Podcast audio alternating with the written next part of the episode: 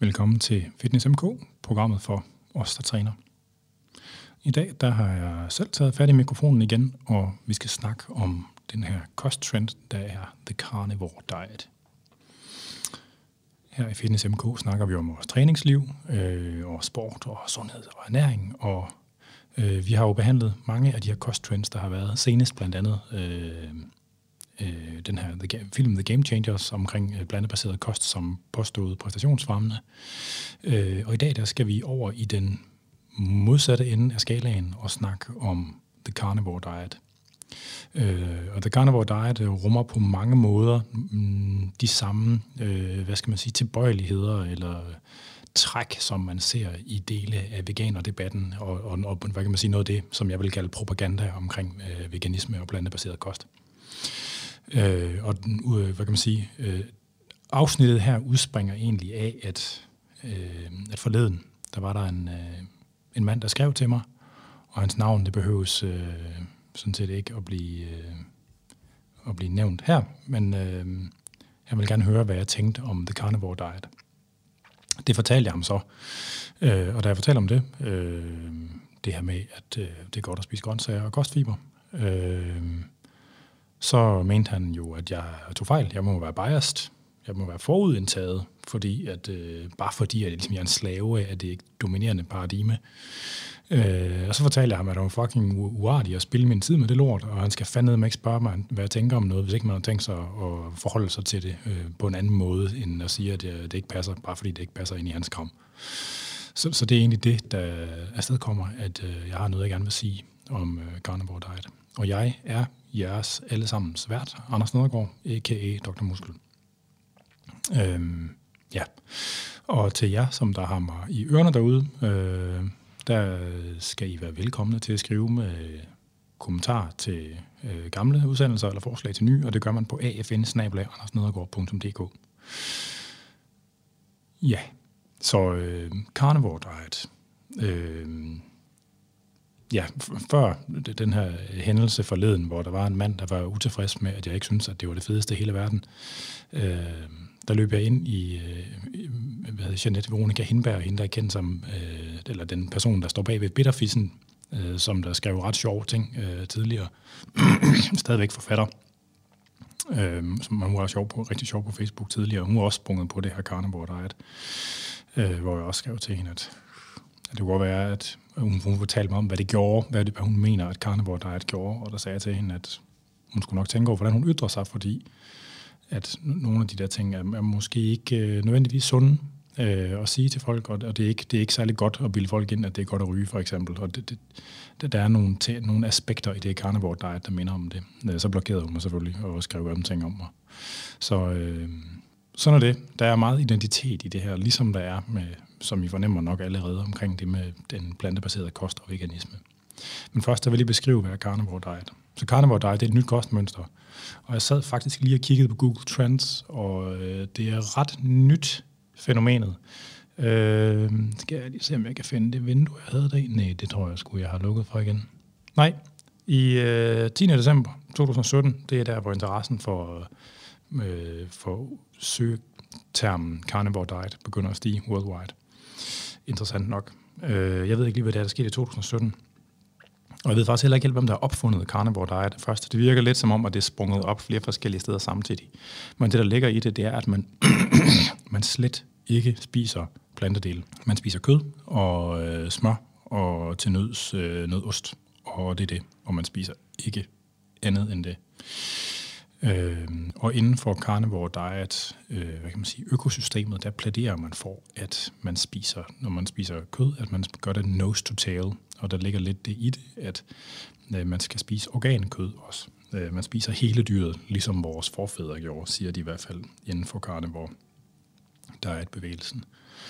Øh, og det er så det. Og det, øh, kan man sige, det er jo det, det, det er indiskutabelt, at ost og kød, det er næringstætte fødevarer, som generelt set har et, en, en høj tæthed af mikronæringsstoffer og en høj tæthed af essentielle aminosyre, og man vil kunne øh, klare sig rigtig lang tid på en diæt bestående af det.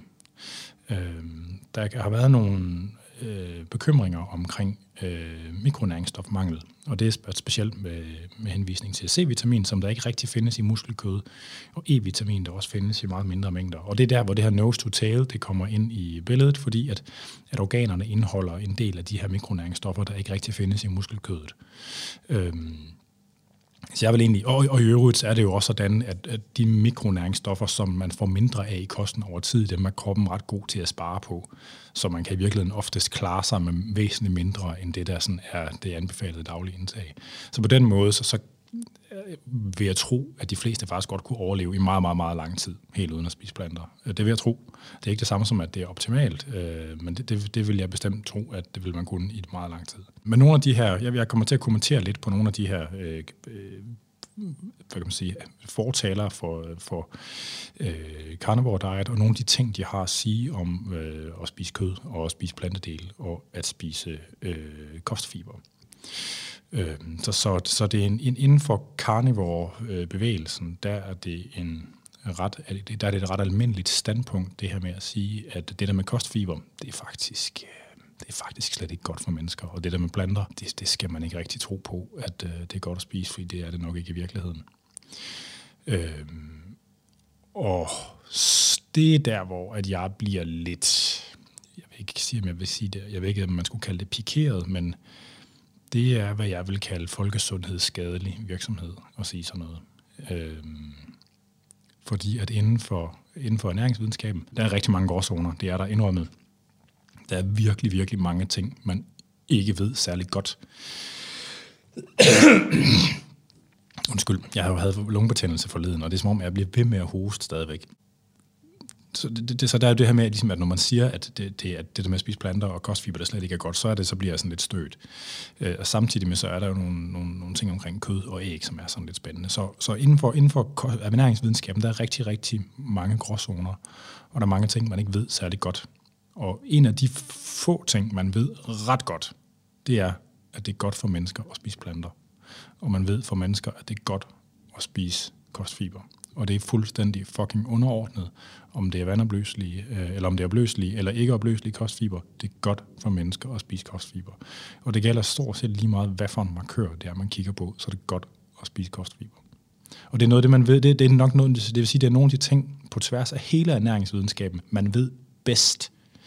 Øh, hvis man kigger på sådan noget med, om det for eksempel er usundt at spise kød, som der er mange, der går og forventer, så er det faktisk, det er nok en lille smule usundt øh, man er ikke så usund, som de fleste folk går og tror.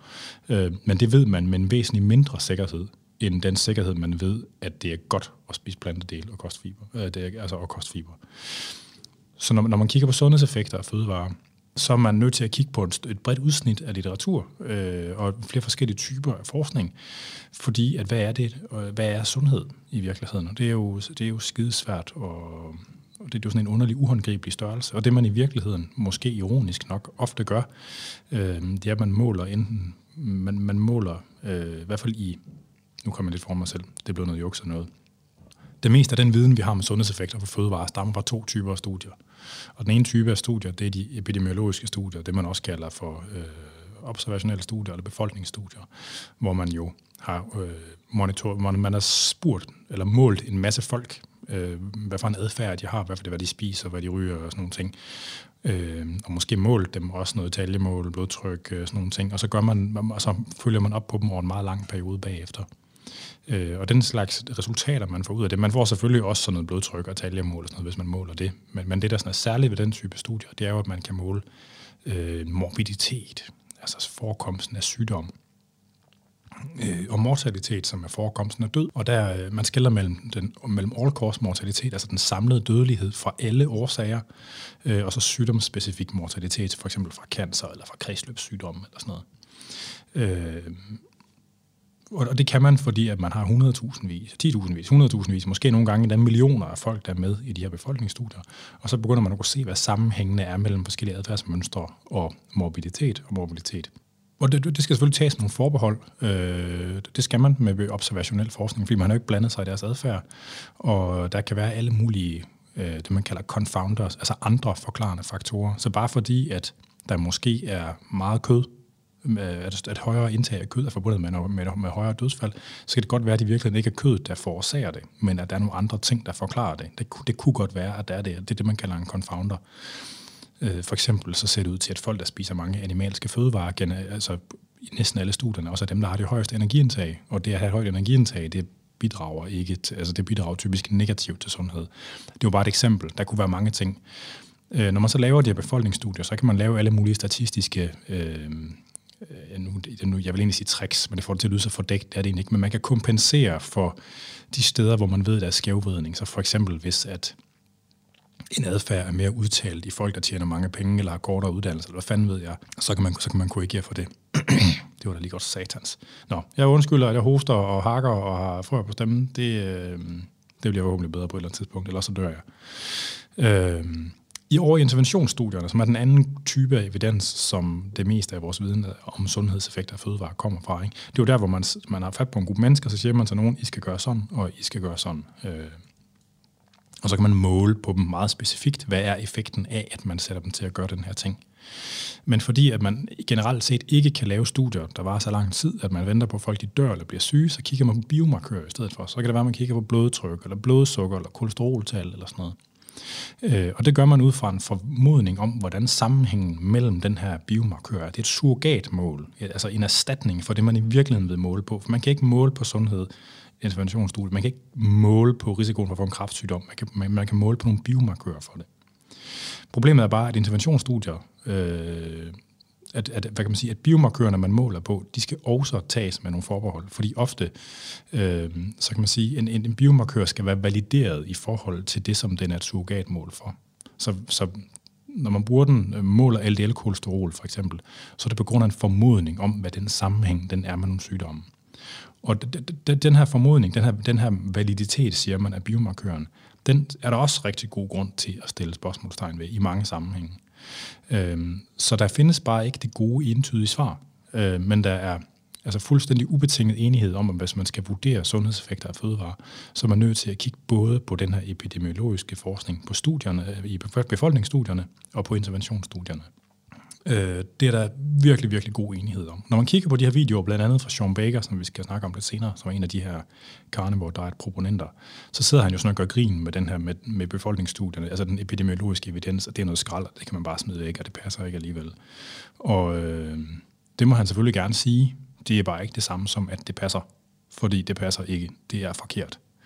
Øh, og i øvrigt så er det også sådan, at når man kigger på både den interventionelle øh, forskning på det med plantedel og kostfiber og på, den, på befolkningsstudierne, så er der utrolig god overensstemmelse mellem dem. De siger det samme.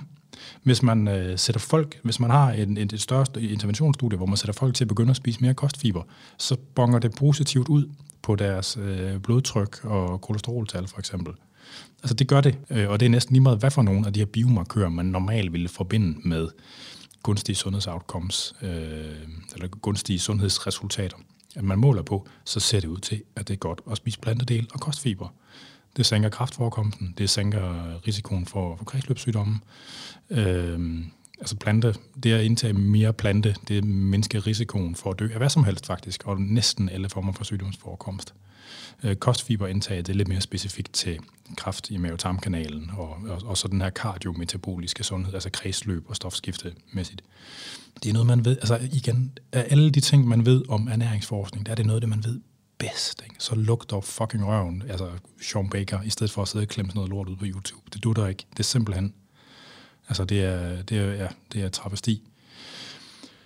Øh, hvis man så skal sige noget, som carnivore diet tilhængerne nok godt kan lide at høre, så er det jo det her med, at, at for nyligt i øh, øh, faktisk det næste sidste afsnit, vi lavede Fitness MK på Radio 24 hvor vi havde besøg af Robin Christensen, hvor vi snakkede om, om en gruppe metaanalyser, der var blevet publiceret i Annals of Internal Medicine, øh, hvor man har publiceret de første metaanalyser over randomiserede kontrollerede studier med forskellige kødindtag for at se, hvordan det påvirker øh, øh, faktisk både mortalitet, der, der er nogle af de studier, hvor man har randomiseret folk til en adfærd, og det er gået lang tid nok til, at man kigger på mortalitet, men også på biomarkører.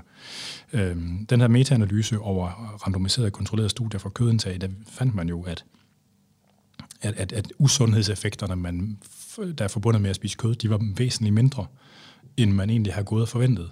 Og i hvert fald væsentligt mindre, end man ser fra de, fra de observationelle befolkningsstudier de observationelle befolkningsstudier siger sådan rimeligt entydigt, at forarbejdet kød ser ud til at være skidt, altså ting, der er saltet, øh, nitratsaltet og røget og den slags. Øh, det røde, uprocesserede kød så ud til at være en lille smule skidt. Øh, fjerkræ så ud til at være neutralt, måske endda positivt, og fisk ser ud til at være stort set entydigt positivt. Det er sådan det mønster generelt.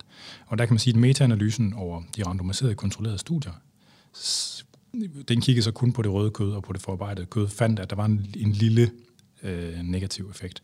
Og, og oven på det her lag af metaanalyser, der kom dengang, øh, der var der også sådan en, en tolkning øh, lagt ud øh, fra sådan en arbejdsgruppe, som mente, at effekten var så lille, sammenholdt i øvrigt med noget med folks attityder og holdningen til kostmønstre, at det vil ikke kunne betale sig at lave og ændre anbefalinger på baggrund af det. det. Det er så en anden historie med det. Men jeg kan anbefale podcasten, det er nummer 221 med Robin Christensen, som øh, er en vild type. Øh, så vi ved, at det er nok en lille smule usundt at spise kød.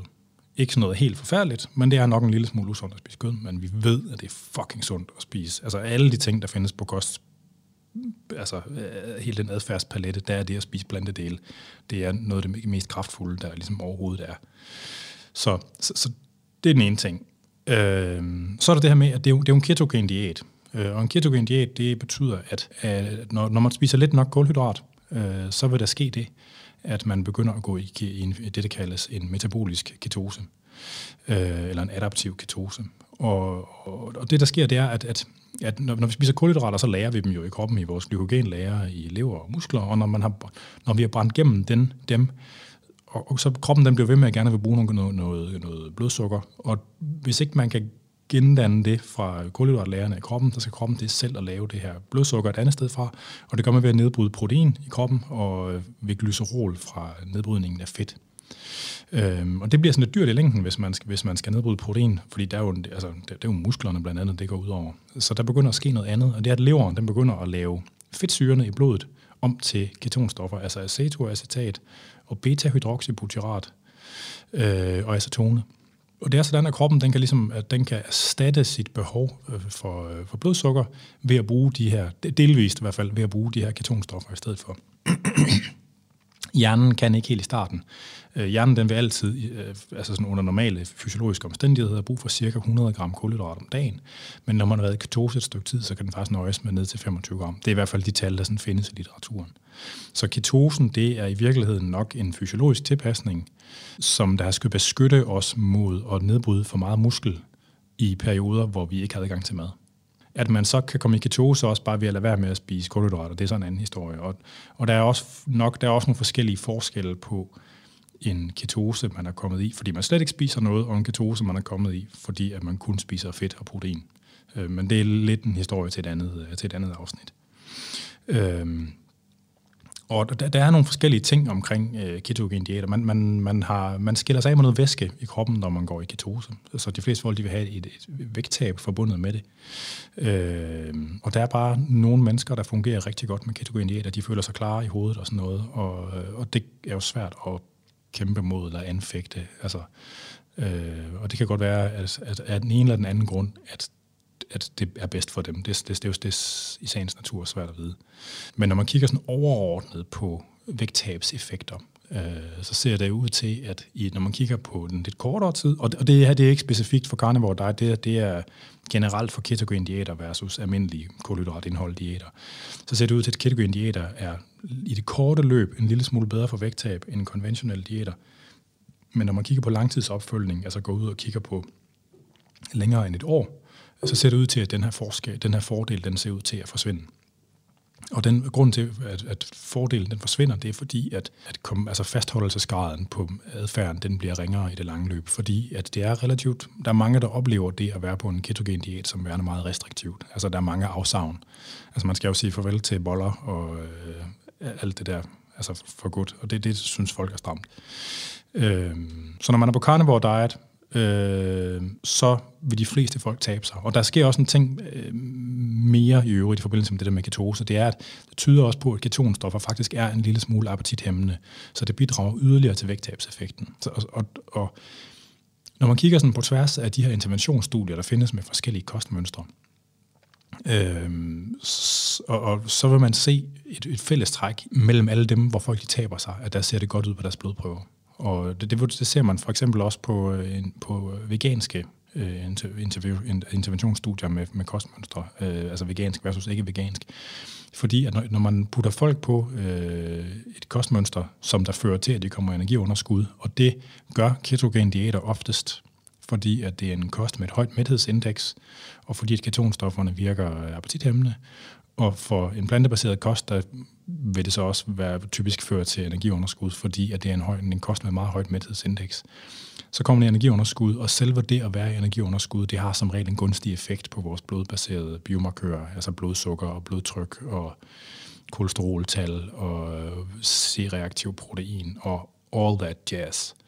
Øh, det er bare sådan, det er. Det er. Og det er ikke nødvendigvis et udtryk for, at, at den diæt er sund i det lange løb altid. Øh, der vil det kræve, at man lavede en isokalorisk sammenligning mellem dem over længere tid. Og det findes der desværre bare ikke så meget af i litteraturen. Det der med at lave isokaloriske sammenligninger øh, er bøvlet og øh, kompliceret, og, øh, men, men det er virkelig det, man skal bruge for at kunne udtale sig om, om sundhedseffekterne og i det længere tid. Fordi for rigtig mange interventionsstudier, hvor man sammenligner kostmønstre, der vil jeg på, våge påstå, at der de confounded, altså resultaterne er påvirket meget voldsomt af det her energibalancefænomen. Så, øh, så det er en ting. Men altså, man kommer i ketose. Det er et grundvilkår på carnivore diet. øh, og, og det kan være en del af grunden til, at der er mange, der beskriver, at de får det bedre. Fordi der er nogen, der har det rigtig godt med det der ketogen, altså ketose og noget. Det, det, er der bare, øh, det er der bare nogen, der har. Det, der kan være en downside ved det, det er, at, at øh, når, når musklerne skal arbejde intenst, så øh, vil de gerne have sukker som brændstof, eller glukose som brændstof. Øh, og det kalder musklerne ligesom på, når man arbejder intenst. Og man kan faktisk godt lave ketonstoffer om til blodsukker. Øh, man gør det bare ikke helt vildt hurtigt. Øh, så hvis man nu skal lave noget meget intenst muskelarbejde, der kun varer i 5 minutter, så er det nok ikke noget problem. Og hvis det er nu 10 minutter, så er det nok heller ikke noget problem. Hvis nu man skal spille to halvleje i en fodboldkamp, så er det nok et problem. Så i forbindelse med præstationsevnen i til styrketræning eller sådan noget, der vil det være underordnet sandsynligvis. Men, men hvis man skulle lave sådan noget, der krævede, at man havde, havde en relativt høj kulhydrat tilgængelighed som, sådan, som brændstof i længere tid, så vil man nok opleve, at det bliver, øh, at det bliver anstrengt på et tidspunkt. Omvendt, hvis man er noget meget ekstremt udholdenhedsnåde, så er der noget, der måske tyder på, at der kan være nogle fordele på ketogen-diæter, fordi man måske får en bedre, det der kaldes metabolisk fitness. Men det er sådan ret spekulativt. Og det kan også være det individuelt, at der er nogle bestemte personer, der bedre, reagerer bedre på den måde. Øh, nå, det var om ketogen-diæter i forhold til carnivore diet. Så er der jo også det grundlæggende vilkår, at en, en carnivore diet, det er det, der kaldes en low FODMAP-diæt. Øh, og FODMAPs, det står for øh, Fermentable Oligo D and Monosaccharides and Polyols. Og det er, den, det er en gruppe af kulhydrater, øh, som er, hvad kan man sige, forklarer den største del af de mavetarmsymptomer, man ser i, øh, i folk, der øh, øh har irritabel tyktarm. Øh, så det vil sige, hvis man har haft noget maveknald, af den ene, altså sådan forstoppelse, tynd mave, oppustethed og sådan noget, så vil man som regel, øh, en ret stor del af dem, der døjer med det, de vil opleve en symptombedring, hvis de kommer på en low FODMAP-diæt. Øh, og der kan man sige, det vil de fleste folk så, øh, altså det vil, det, det vil også gælde for carnivore diet, eftersom det er en low FODMAP diæt. Altså, det er sådan, det er. Spørgsmålet er det her med, om hvis man har en, en mave, der er generet af noget, som man har en intolerance eller en malabsorption af, om det så er sundt at lade være med at spise det. Øh, og det er et spørgsmål, der er svært at besvare. Og min egen altså, hvad kan man sige, holdning til det er, at øh, selvom man får knald i maven af at spise nogle bestemte plantedele, så vil jeg stadigvæk bestemt mene, at det er sundere at indtage de plantedele og få knald i maven, end at lade være med at indtage dem. Og det her med at lade være med at indtage dem i meget lang tid, det kan godt blive en selvforstærkende, sådan en slags selvopfyldende profeti på den måde, at det, det er nok, der er nok en eller anden grad af træningseffekt i mikroorganismerne i tarmen, sådan så at de mikroorganismer, man skal bruge til at nedbryde bestemte fødevarer, dem bliver der mindre og mindre af, hvis man ikke spiser det. Så hvis der er en fødevare, man oplever, man har en intolerance overfor, man kun kan tåle en vis mængde, før man slår ud, og så man holder op med at begynde, man, man begynder at holde op, man stopper med, med at spise den her fødevare, øh, så vil jeg våge påstå, og jeg ved, at det er ikke en øh, holdning, jeg står alene med. Øh, så, så vil man blive endnu dårligere til at tåle den fødevare i fremtiden. Så det, så det at gå på sådan en, en hård low FODMAP diæt som carnivore diet, altså med en meget hård FODMAP restriktion i meget lang tid, det kan godt være lidt ligesom at pisse i bukserne for at holde varmen i forhold til, hvordan man har det i maven. Øh, så det er, hvad det er. Men, men, men jeg grundlæggende, altså så vil jeg mene, at grunden til, at folk øh, har gode øh, øh, altså oplevelser med det, eller der er en del mennesker, der har gode oplevelser med det, fordi det kan jeg jo ikke anfægte. Det er på grund af energiunderskud, og det er på grund af, måske der er nogen, der responderer godt på, på ketosen, og at det er en low FODMAP diæt i virkeligheden. Men jeg mener så absolut, at det er et kostmønster, der ikke er sundt. Øh, og det meste af det, altså det tyder på, at det er en lille smule usundt at spise kød, og, og fred, fred være med det. Øh, men det er helt sikkert ikke, hvad kan man sige, plante, planter er jo ikke, måske ikke sådan, som sådan, øh, hvad skal man sige, øh, nødvendige. Man kan nok godt klare, man kan nok godt klare sig uden. Nu siger jeg nok, fordi det er ikke sådan helt klart, hvordan, men, men det er helt sikkert sundere at spise plantet eller kostfiber. Øh, man finder simpelthen ikke, altså man, man, hvis man kigger på studier, hvor man kigger på kostfiber og hvor man har målt på de sundhedsoutcomes. Man skal kraftedme med lede i lang tid, for ikke bare at finde en ting, der er neutral, men for at finde en ting, der ikke er decideret positiv. Øh, men, men nogle mand, der, der skrev til mig for at høre min mening om carnivore diet, det troede han simpelthen ikke på. Altså, men jeg kan anbefale at gå ind på Google Scholar og øh, altså søg på dietary fiber øh, og bare lappe det i, der kommer op, fordi at det hele, det siger, at kostfiber og plantedel er godt. Øh, siger det bare. Og det mener alle folk, der er worth their salt, altså inden for ernæringsbranchen. Sådan er det. Så er det jo sådan, at, at øh, en af de her proponenter for øh, carnivore diet, det er en, en amerikansk læge, en øh, uh, ortopædikirurg, tror jeg nok han er, der hedder Sean Baker, som har konkurreret i rugby på et ret højt niveau, og noget styrkeløft og noget strongman, og han er sådan en stor jacked dude, som ligner Mike Rowe fra Dirty Jobs en lille smule. Øh, og som sådan et interessant fænomen, så fik han taget sine blodprøver, og de blev så offentliggjort øh, i forbindelse med, jeg tror det var i forbindelse med deltagelsen i en podcast. Og der, der kan man sige, at en ting er, at folk på ketogen diæter, de har nogle afvielser i deres blodprøver, som er øh, interessante. Øhm, og det, det har han også. Og man kan sige, noget af det, der, noget af det, der øh, er interessant, det er jo det her med, at hvis man spiser rigtig meget kød, så kommer man til at have et højt LDL-kolesterol, altså det, man kalder det dårlige kolesterol. Og han har, også et påf- han har faktisk også et pålav, påfaldende lavt HDL-kolesterol. Det er jo det, man vil betragte som det gode normalt. Øh, inden for ketosfæren, kan man vel godt sige, der har man sådan en alternativ tolkning på det her. Der tror man simpelthen ikke på, at det er skidt at have et højt LDL-kolesterol. Øh, og dele af det kan jeg godt være tilbøjelig til at tro på at i hvert fald, at øh, et højt LDL-kolesterol betyder ikke det alle i, samme sammenhæng, i alle sammenhænge.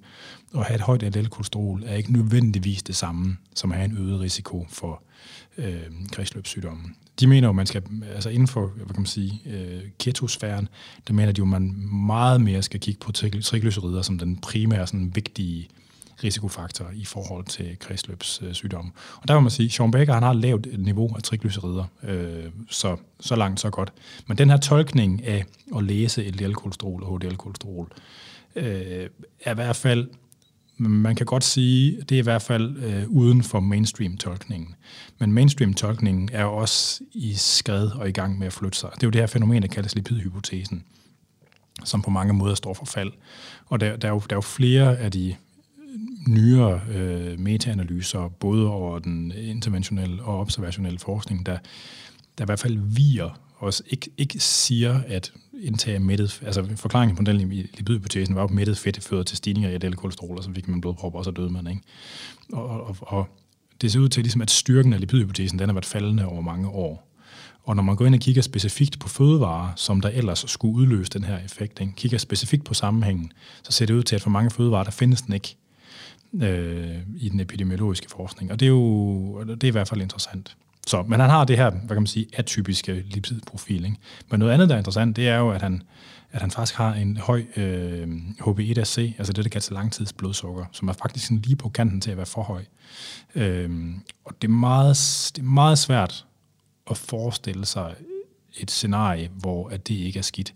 Det er sådan, at når man kommer i meget dyb ketose, har været i ketose i meget lang tid, og har haft et meget, meget lavt indhold af kulhydrater, og et lavt indhold af den type, de typer af aminosyre, som let kan blive øh, lavet om til sukker, altså begynder man faktisk at få sådan en slags adaptiv insulinresistens. Og det er et fænomen, der sker i ketose, fordi kroppen slår så meget over til at køre på, på fedt, at den simpelthen har, i, har forbigående svært ved at, at håndtere kulhydrat.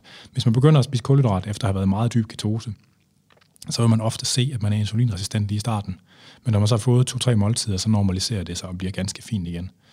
Øh, og det er, sådan et, det er sådan et fænomen, der kommer i forbindelse med ketose og faste. Øh, og det kunne godt forklare, at jeg måler også en insulinfølsomhed. Nu kan jeg ikke lige huske tallene her, men jeg mener også, det var ikke så pænt. Men, men, men at have et forhøjet langtidsblodsukker, øh, eller sådan, i hvert fald i den høje ende for en person, der i øvrigt har en relativt lav fedtprocent og træner meget, det er, det, det er påfaldende. Så man kan sige, sådan, en overordnet betragtning, selv hvis man køber ind i ketosfærens tolkning af, det, af hvad de her blodprøver betyder, så ser det ikke helt vildt godt ud. Altså jeg vil, jeg vil ikke sige, at det ser dårligt ud, men det ser ikke decideret godt ud.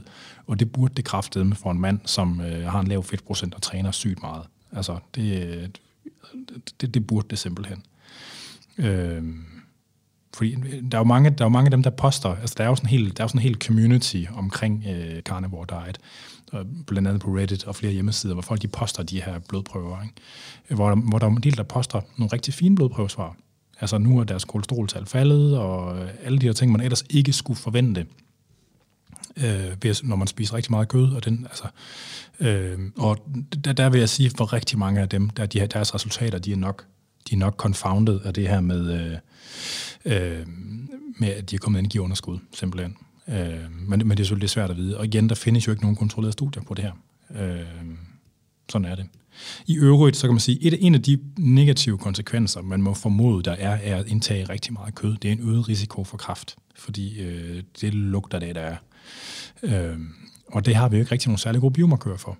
Altså, så, så der, findes ikke en, en, der findes ikke rigtig nogen fuldt validerede biomarkører, man kan måle i blodprøver, der siger noget om, om risikoen for at få kræft senere hen. Øhm, desværre. Og det, det, så det, så, så man kan sige, en eventuel effekt af at spise så meget kød kan på øh, risikoen af, for at få kræft, den kan godt ligesom gå under radaren for, for så vidt angår de ting, man kan måle. Øhm, så er det også sådan, at en af de andre proponenter for, øh, for carnivore diet, det er en, det er en, en jeg ved faktisk ikke, om han er læge, men han er også funktionel mediciner, øh, altså det samme som Umaro her i Danmark øh, bekender sig til. Øh, Paul Saladino, som jo sådan, øh, er en lidt mere afdæmpet type. Ham der, Sean Baker, han går meget ud af at trolle øh, veganere, ligesom at forsøge at bringe deres PCK. Ham der, Paul Saladino, han virker mere sådan afdæmpet og sådan lidt mere science, out, sådan mere klassisk science i sin fremtoning. Men han siger simpelthen nogle ting, der er fuldstændig gak. Altså det, det, øh, det, det, det er fuldstændig indiskutabelt. Han påstår, at, øh, han påstår, at den plantebaserede, altså det at spise grøntsager, det er mere klimabelastende, øh, end det at spise kød. Altså det, det er Øh, altså han, han laver i virkeligheden det samme nummer, som man ser i What the Health, hvor man bruger, en, man siger en del sådan nogle ting, der er forkerte, og man cherrypicker, og man går hele vejen rundt for at forsøge at presse en pointe igennem.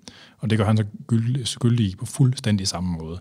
Altså det er fuldstændig fucking gakket at påstå, at den plantebaserede kost, den er mere klimabelastende, end, øh, end kød er. Altså igen, det, det primære problem, der er, problemet der er ved kød sådan i en klimakontekst, det er for det første, at øh, når køer de spiser ting, så fermenterer de det, og det gør, at de producerer metan.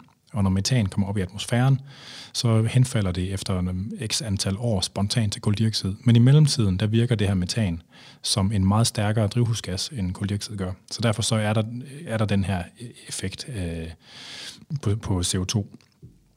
Øhm, og den, den, den, en anden effekt er, at øh, drøvtykkere generelt øh, altså både lam og køer, øh, får og kør, øh, de er dårlige til at lave det, de spiser om til mere af sig selv. De vokser simpelthen ikke særlig, de er ikke særlig gode til at udnytte maden. Øhm, så inden for noget landbrugsvidenskab er der sådan en størrelse, der hedder feed conversion ratio, som siger noget om, hvor stor en del af det, man spiser, kan man lave om til mere af sig selv. Øhm, hvor, hvis man kigger på kyllinger, altså moderne, moderne kyllinge landbrug, så kan de jo lave, i den periode, altså hvor de vokser, øh, der kan de lave halvdelen af det af kvælstof. Altså der optager de halvdelen af det kvælstof, de spiser og laver det om til mere af sig selv. Øh, altså protein. Og det er øh, voldsomt, hvor det tilsvarende tal for, øh, for, for lam og får og øh, kør, at det er sådan noget 1-6, 1-8, måske 1-10, lidt afhængig af, hvad for en driftsform og hvad for nogle øh, raser, der er tale om.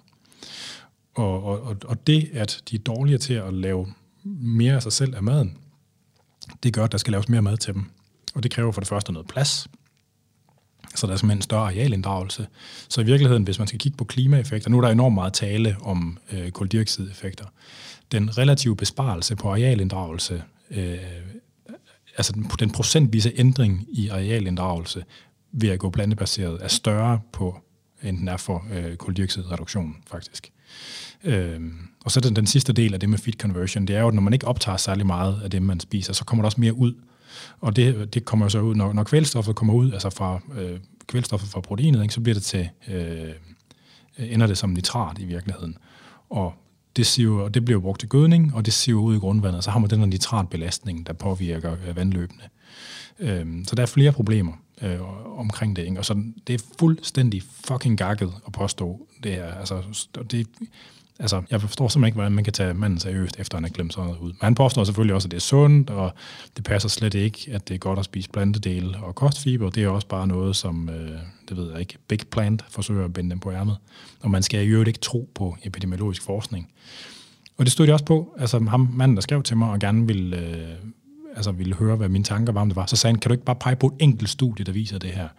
Øh, at der viser, at det er godt at spise kostfiber. Jeg kan godt vise et enkelt, altså der er ligesom bevis, der er et enkelt studie, der beviser, at det er godt. Jeg kan sagtens vise et studie, der siger, at det er godt.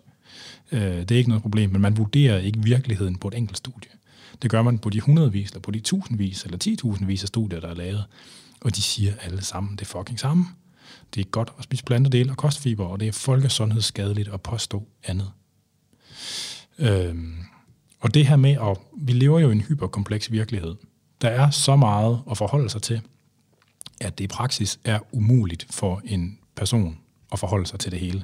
Så derfor så gør folk det, at de vælger nogle personer til at kuratere virkeligheden for dem, for at vælge, hvad de skal tro på og ikke skal tro på. Det er der også folk, der gør med mig, selvom jeg prøver på at få dem til at lade være med det.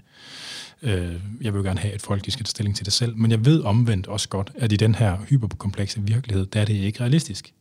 Øh, hvis jeg skal have bygget et eller andet om i min lejlighed, så betaler jeg mig også nogle for det, fordi jeg kan ikke overskue at sætte mig ind i, hvordan fanden man gør det. Altså, og det gør folk med de her sundhedsspørgsmål. Og der er nogle folk, der tror på Sean Baker, og der er nogle folk, der tror på ham, der er Paul Saladino. Men det interessante, det er også, hvad er det, der gør, at folk de tror på de her påstande, selvom de er sådan lidt gakkede? Fordi spørgsmålet er virkelig det samme som, hvad er det, der gør, at folk de tror på den her veganer-propagandafilm, What the Health? Øh, der er et eller andet, der gør, at der er nogle typer af personer, der bliver særlig modtagelige for en særlig type af beskeder. Måske der også fra en særlig type af afsendere. Øh, og der er, det, der, der er det her påfaldende, at jeg, mine oplevelser, når jeg har diskuteret med folk, der er tilhængere af carnivore diet, øh, den oplevelse, den minder utrolig meget om de diskussioner, jeg har haft med veganere. Øh, og, det, og, og det handler om det her med, at kostmønstret, det bliver en form for identitetsmarkør. Fordi ligesom at det at være veganer, det har en type det er typisk, øh, der, der er nok der er flere, der er flere kvinder. Øh, det er overvejende folk, der stemmer venstreorienteret, og øh, jeg vil også tro, at øh, højt uddannet nok er overrepræsenteret. Så er der også en type for carnivore diet, hvor langt de fleste, det er mænd, langt de fleste har mellemlange videregående uddannelser, og der er ekstremt mange selvstændige, øh, og ekstremt mange ingeniører også, sjovt nok. Der var nogen, der lavede sådan et, et overlap af Reddit-kategorier. Jeg tror også nok, nogen, der fandt ud af, at det at abonnere på nogle af de her Carnivore Diet Reddit-grupper, det var, hang sammen med at abonnere på øh, Bitcoin øh, Reddit-grupper, så vidt jeg husker. Altså det her, det, det siger jo noget om, at der er, og det er, og det er jo øvrigt nogen, der jeg vil gætte på, dem jeg har snakket med, nogen, der vil stemme borgerligt, eller meget borgerligt, altså Venstre, øh, Nye Borgerlige, Liberale Alliance, den der, altså og, og det er selvfølgelig anekdotisk. Det, mm, det er anekdotisk. Jeg tror, det passer. det skal jeg også, når det er min egen anekdote. Øhm, men det her med, at der er noget i en, en type, og det, at der er en type, det fortæller noget om, at der er en identitet i det. Fordi at når først der går identitet i noget, når noget det smager godt, når man virkelig sådan kan, altså, øh, kan smage det, at man, man synes, at en eller anden betragtning, et standpunkt, at det føles godt, hvis det er sandt. Ikke? Det er den situation, hvor man er dårligst til at vurdere, om det er sandt. Altså man kan også godt se i øvrigt, ind i nogle af de der carnivore, der er et grupper på Reddit, der er det også helt almindeligt at lave klimabashing, altså øh, klimadenialisme, øh, er simpelthen en, en, er hyppigt forekommende. Øh, igen, så, så der er sådan en bestemt type, og, og, det er, og det er også derfor, at det er meget svært for folk at rumme, at der er elementer af, af den her, øh, hvad kan man sige, pakke af holdninger, der simpelthen ikke passer, fordi at det er ikke, fordi det er egentlig ikke selve viden, om det passer eller ej, der de tager stilling til. Det er, hvordan det føles på deres identitet. Ikke? Og, når, og når, når først sådan en adfærd er blevet en identitetsmarkør, ikke? så kommer der kognitiv dissonans, så krasser det i sjælen, når man bliver konfronteret med, at noget af det ikke passer. Og så går man i reaktion ikke? på den måde. Øhm, og det er noget skrald. Altså folk, de må selvfølgelig spise, hvad fanden de har lyst til. Øh, hvis man spiser rigtig, rigtig meget kød, så er det en stor klimabelastning, og det er så, hvad det er. Det må man jo tage stilling til, om man synes betyder noget eller ej. Men man skal satanede ikke begynde at udbrede, at det er ikke er sundt, eller måske endda frem er skidt at indtage plantedel eller kostfiber. Fordi det er simpelthen løgn på næsten alle de måder, som noget det kan være løgn. Ja, og det tror jeg i virkeligheden, jeg lader, vil lade være mine øh, sidste ord her i min, øh, det ved jeg ikke, hvad man skal kalde det, mit rant øh, omkring The Carnivore Diet. Jeg synes, at The Carnivore Diet er en virkelig dårlig idé. Og det bliver interessant at se. Altså, jeg ved ikke, om der, om, om der er nok, der benytter sig af det til, at der bliver mulighed for nogensinde at lave noget forskning på det. Altså, jeg tror egentlig ikke, at den, jeg tror ikke nødvendigvis, at det er forfærdeligt usundt. Men det er helt sikkert mere usundt end en diæt, hvor man en kost, hvor ikke man spiser planter. Og, og fisk for den sags skyld også.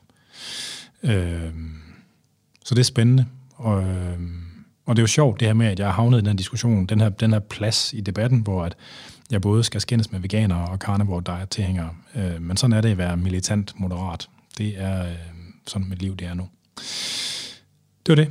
Øh, jeg skal spare dig for øh, mere, øh, mere øh, hvad hedder det, krøller på stemmen nu i den her omgang. I det næste afsnit, der får vi besøg af Stine Junge Albrechtsen til at snakke faktisk endnu mere om det her med fodmap-diæt og, øh, øh, og irritabel øh, tyktarm, altså de her mavetarm øh. Ja, du lytter til Fitness MK. Jeg hedder Anders Nedergaard, og du lytter med til den her og de andre udsendelser, vi har lavet på øh, stream og podcast.